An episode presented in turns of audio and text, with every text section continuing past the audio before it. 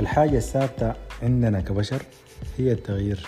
والحاجة الثابتة في الكون كله برضو التغيير. ما في حاجة بتكون ثابتة. والتغيير ده بينقسم لحاجتين. يا إما تغيير بقول عليه تغيير تجديدي أو تغيير الكايزن. التغيير التجديدي ده وده بي... بيتمنوا كل الناس اللي هو يكون في تغيير جزئي جذري حصل في حياتهم. يعني زول من تحت الصفر لمليونير باب كده بين يوم وليلة. وده دايما بتكون نتائج الفشل لأنه ما في حاجة بتتم بسرعة. كل حاجة بتاخد وقتها زي الشجرة. بتكون بذرة دايرة دا وقت عشان تبقى شجرة. لكن ما بين يوم وليلة حتى كان اديتها سماد اديتها غير ما بين يوم وليلة حتقوم طوالي شجرة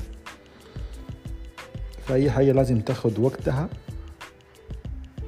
عشان تبقى محسوسة وملموسة لباقي الناس. الكايزن ده اللي هو المبدأ الثاني الكايزن بقول لك التحسن المستمر. يعني انت صاحي من الصباح تقول أنا شنو ممكن أعمله؟ يعني بيعود علي بنفع بعد فترة أو بعد زمن. فالواحد يعني داير يمارس رياضة أبدأ بدقيقتين.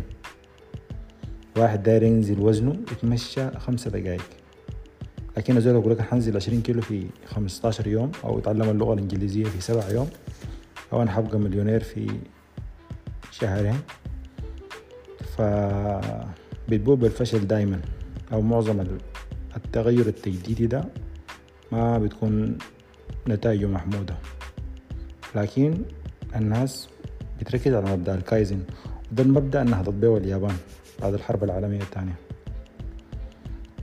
وإذا عايز تبدأ حاجة دايما بسيطة.